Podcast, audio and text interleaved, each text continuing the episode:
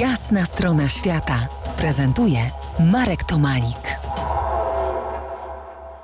Na zakończenie naszych rozmów o lodowcach podbiegunowych y, chciałbym zapytać o chyba najważniejsze i zarazem najciekawsze z Twoich, czy też szerzej Waszych badań glacjologicznych. Dokonaliście ważnego dla nauki odwiertu. Powiedz, gdzie to było, jak głęboko się dowierciliście i co się tam pod tym lodem głęboko udało znaleźć. Naszym celem było to, żeby się dowiercić po raz pierwszy do um, jeziora pod lądolodem Antarktydy. Zawsze była kwestia taka, czy pod tym lądolodem, ponieważ tam jest ciemno i jest ograniczony dostęp do atmosfery, czy tam istnieje życie. Przynajmniej jednokomórkowe, mikrobiologiczne życie. No i trzeba było to przetestować, co jest trudne, bo się trzeba przewiercić przez lód, w tym przypadku tam 800 metrów lodu i to zrobić to w taki sposób, że to jest czyste, mikrobiologicznie czyste. W sumie do kupy mieliśmy tylko dwa dni e, dostępu te, do tego jeziora przez nasz odwiert i Ale się udało, ale się udało.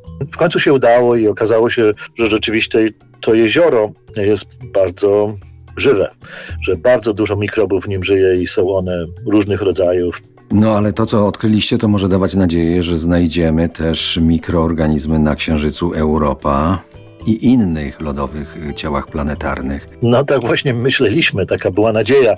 Ale potem się okazało, jak już mieliśmy te próbki, zwłaszcza próbki osadów, że na przykład w tych próbkach był radiokarbon, który ten węgiel tam nie powinien być, ten C14, nie powinno tam być, pewnie, jeśli by był było to jezioro odizolowane pod lodem tak długo, jak myśleliśmy, że przynajmniej 100 tysięcy lat do miliona lat, to tam tego węgla C14 nie powinno być.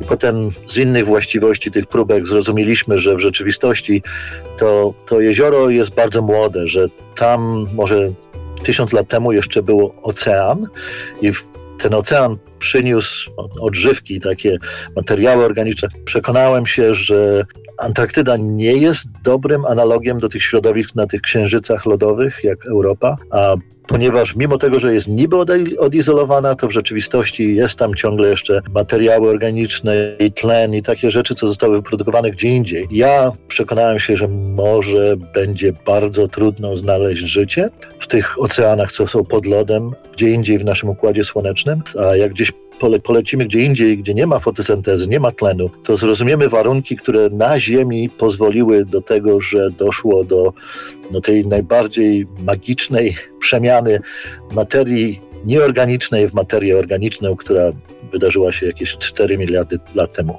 A mnie się wydaje, że człowiek z uporem e, szuka śladów życia organicznego poza Matką Ziemią, takiego życia, które jest e, podobne do naszego, a może to życie na innych planetach rzeczywiście istnieje, tyle, że jest zupełnie inne od tego na na Ziemi, ale dzisiaj już na to pytanie nie odpowiemy. Przypomnę, naszym gościem wprost z Santa Cruz w dalekiej Kalifornii był profesor Sławek Tułaczyk, glacjolog na Uniwersytecie Kalifornijskim w Santa Cruz, naukowiec, który często gości w rejonach podbiegunowych i studiuje antarktyczne strumienie lodowe. Sławku, bardzo, bardzo Ci dziękuję.